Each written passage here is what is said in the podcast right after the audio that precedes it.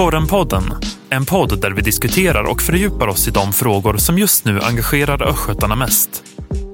Hej och välkomna till ett nytt avsnitt av eh, Korrenpodden. Idag med mig Albin Wiman vid programledarplatsen. I studion har jag också med mig två kollegor. Frida Glenning Ströberg, reporter. Hej. Hej.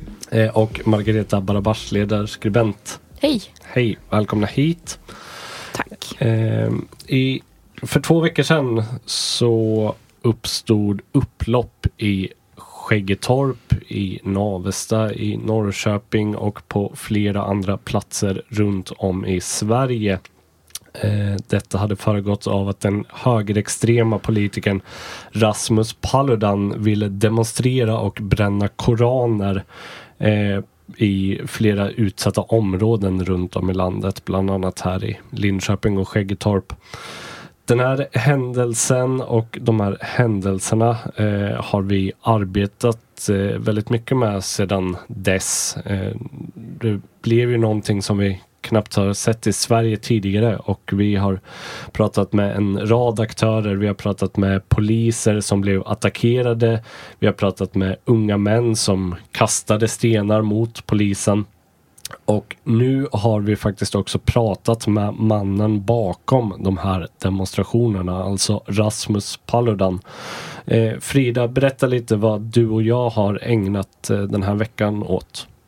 Ja, men vi valde att åka ner till Köpenhamn och bokade in en intervju med Rasmus som var där och, och jobbade. Och eh, träffade honom i dryga timmen. Mm. Be berätta lite om det här mötet. Vi, vi träffade honom eh, vid den kända statyn, den lilla havsfrun. Ehm, och han hade två livvakter med sig. Mm, det var ju både du och jag lite förvånade över. Vi hade fått för oss att han inte var så hotad i Danmark. Men eh, två livvakter med sig och det var han själv som bestämde den här eh, ikoniska platsen, måste man väl säga. Eh, vi hade intervjun utomhus och Rasmus var Eh, han var väldigt korrekt. Han var lugn. Eh, ja, så skulle jag beskriva honom. Korrekt och lugn. Ja. Mm. Ja, hur, hur skulle du liksom beskriva hans, hans resonemang och sådär?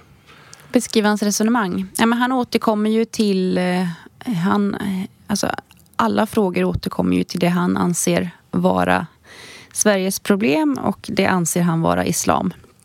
Och eh, så går resonemanget hela tiden. Att det, han landar där någonstans hela tiden. Han tyckte om att prata, kändes det som. Mm. Fick långa svar på varje fråga. Precis. Um, jag tänker det kan ju uppfattas som kontroversiellt att vi åker till Danmark och pratar med... Det här är ju faktiskt en extrem politiker Ehm, som inte har särskilt stort stöd i Sverige vad vi vet. Var, varför är det viktigt att korren åker och träffar en sån här person? Ja, men för, för det första så är att han ställer upp i riksdagsvalet det är ju inte huvudanledningen att vi träffar honom utan eh, det handlar ju om de här våldsamma upploppen i påskas som ju är eh, ja, men de mest våldsamma upploppen vi har sett på väldigt, väldigt länge i Östergötland. Ehm, och han, eh, han är ju en en bricka i, i det. Ehm, även om han aldrig var på plats så är det ju att han fick tillstånd det som orsakade det här raseriet från många och eh, attackerna mot poliserna. Och jag tänker också att eh, förra veckan så pratade jag med eh, tre män som var delaktiga i att attackera polisen och kasta stenar och då får vi också reaktioner om att vi ger dem utrymme.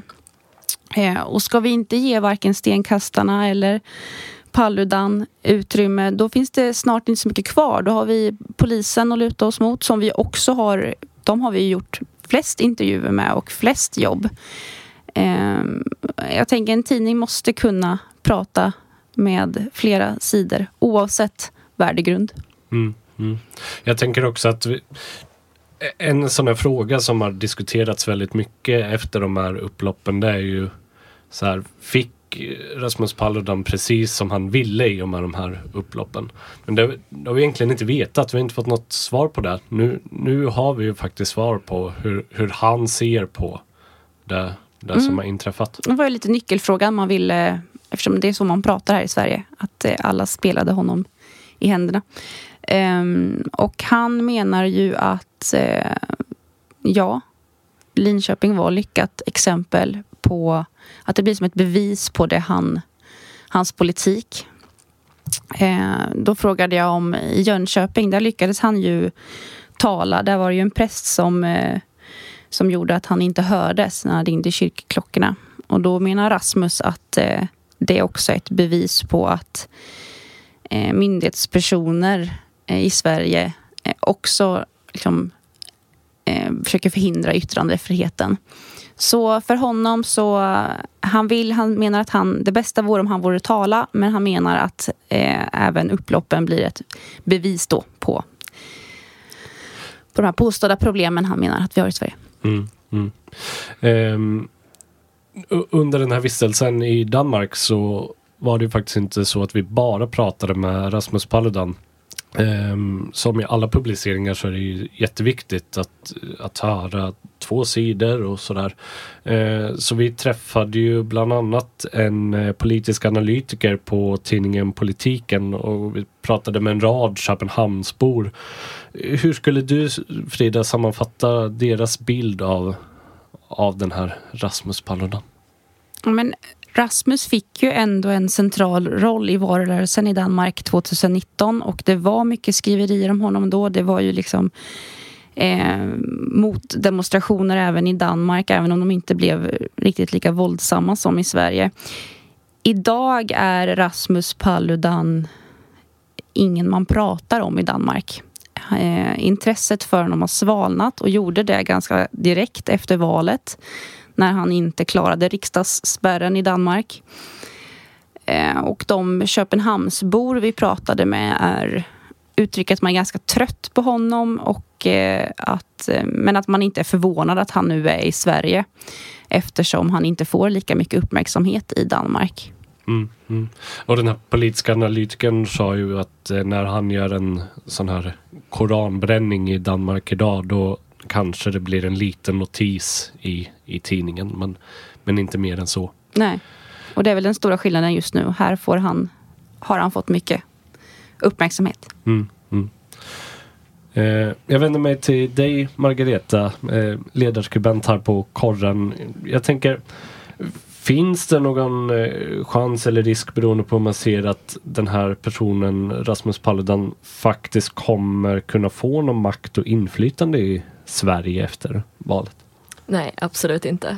Ehm, han... Uh, hörs det? Ja, så. Ehm, ja, för det första så har vi en rätt hög riksdagsspärr.